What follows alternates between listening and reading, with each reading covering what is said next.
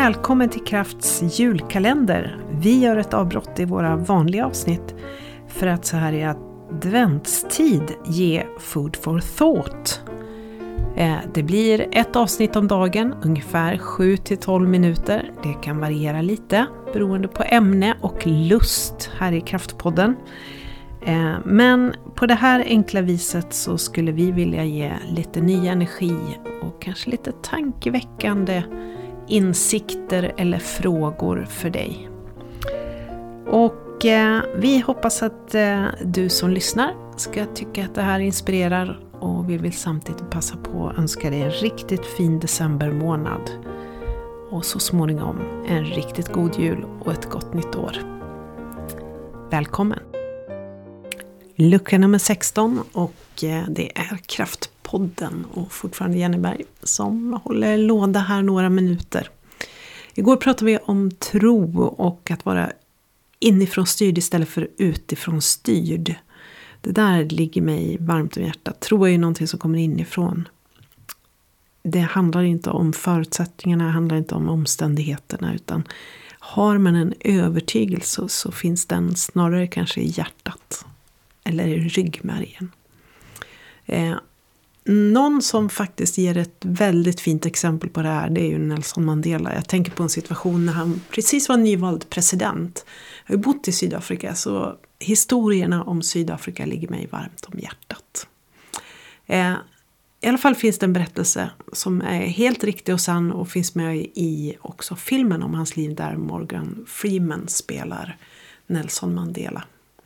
Eh, när han blev, var nyvald president så är det så att Springboks som är Sydafrikas rugbylag och tillika den vita minoritetens liksom på något sätt eh, symbol. Och på samma sätt som det var en symbol för den vita minoriteten så blev det också en symbol för förtrycket eh, hos den svarta befolkningen.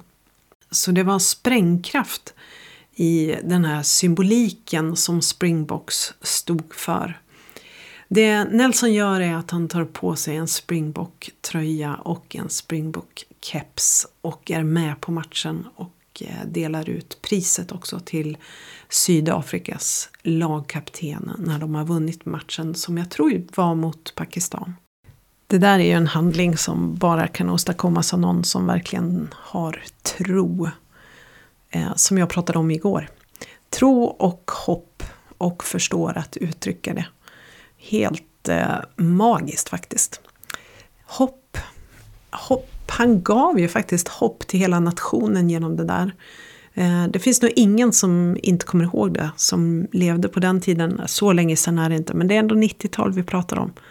Eh, hopp handlar ju om att hoppas, att ha hoppfullhet nära besläktat med tro. De hör ihop liksom. Båda kommer inifrån. Det är inte bara att man liksom ser någonting och så hoppas man. Liksom. Eh, begreppen tro och hopp är, är definitivt besläktade. Men skiljer sig åt. Tro är övertygelse. Eh, inte nödvändigtvis så att det går att bevisa den övertygelsen. Men det är en personlig övertygelse i alla fall. Den kan vara religiös men behöver inte vara det stark övertygelse som kommer inifrån. Hopp är mer en positiv känsla och kanske en effekt av att jag tror. Ehm, en förväntan av framtiden som kan vara baserad på tro eller andra saker. Hopp kan vara verkligen en stark drivkraft. Hoppas. Det kan ju göra att man till exempel köper en trisslott. Hoppas att jag ska vinna. Eller jag hoppas att det ska gå Eh, när man möter svårigheter att hoppet håller en vid liv, brukar man ju säga. Hoppet är det sista som lämnar människan, eller hur? 246 och en halv meter har faktiskt Johan Remen Evensen hoppat i eh, Vikersundsbacken i Norge i backhoppning.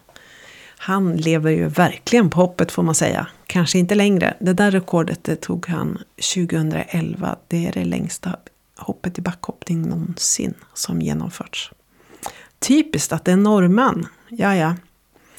Vi får titta istället på höjdhopp. Där har i alla fall Kajsa Bergqvist håller fortfarande ett av de högsta hoppen i, för damer inomhus så har hon världsrekordet. 2.08, det är ju tröstande i alla fall att vi har en svensk där. Annars är det ju Javier Sotomayor med 2,45 meter. Eh, otroligt högt. En annan hoppar väl ungefär 55 centimeter. Ja, ja, nog om detta. Idag är det lördag. Ha en riktigt fin eh, lördag. Njut av eh, tredje advent imorgon och så hörs vi.